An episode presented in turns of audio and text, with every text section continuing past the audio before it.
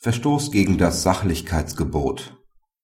Die Äußerung eines Anwalts gegenüber einer Behörde,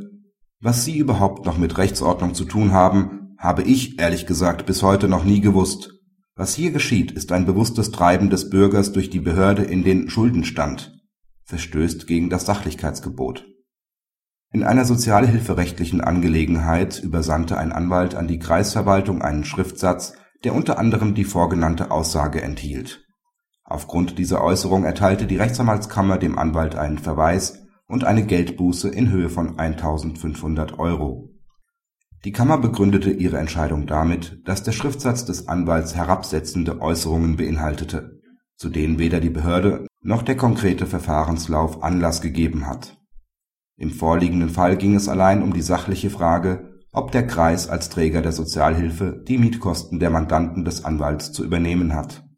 die vorgenannten Ausführungen implizieren für den Empfänger des Schreibens, dass die Mitarbeiter des Kreises gegen die Rechtsordnung handeln und diese bewusst dem Bürger schaden.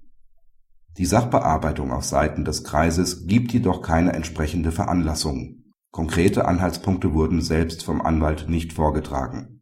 Zwar ist es Anwälten gestattet, auch starke, eindringliche Ausdrücke und sinnfällige Schlagworte zu benutzen, hier waren die Äußerungen jedoch von vornherein nicht geeignet die rechtliche Angelegenheit der Mandanten zu fördern. Hinsichtlich der Äußerungen Es ist ja nicht ausgeschlossen, dass hier alle unter einem Dach zusammenarbeiten, oft nur der eine nicht weiß, wer der andere ist, und im Übrigen sehe ich aus dem, was Sie bisher von sich gegeben haben, dass Sie sich mit den weiteren Punkten, die Sie angeschnitten haben, erst gar nicht befassen. Ich kann natürlich nicht ausschließen, dass Sie diese Hinweise überhaupt nicht begriffen haben sieht die Kammer keine Überschreitung des Sachlichkeitsgebots. Neben dem Verweis ist hier die Verhängung einer gleichzeitigen Geldbuße als erforderlich angesehen worden, da der Anwalt bereits in der Vergangenheit gegen das Sachlichkeitsgebot verstoßen hat und sich im Haupttermin nicht von seinen Äußerungen distanzierte. Praxishinweis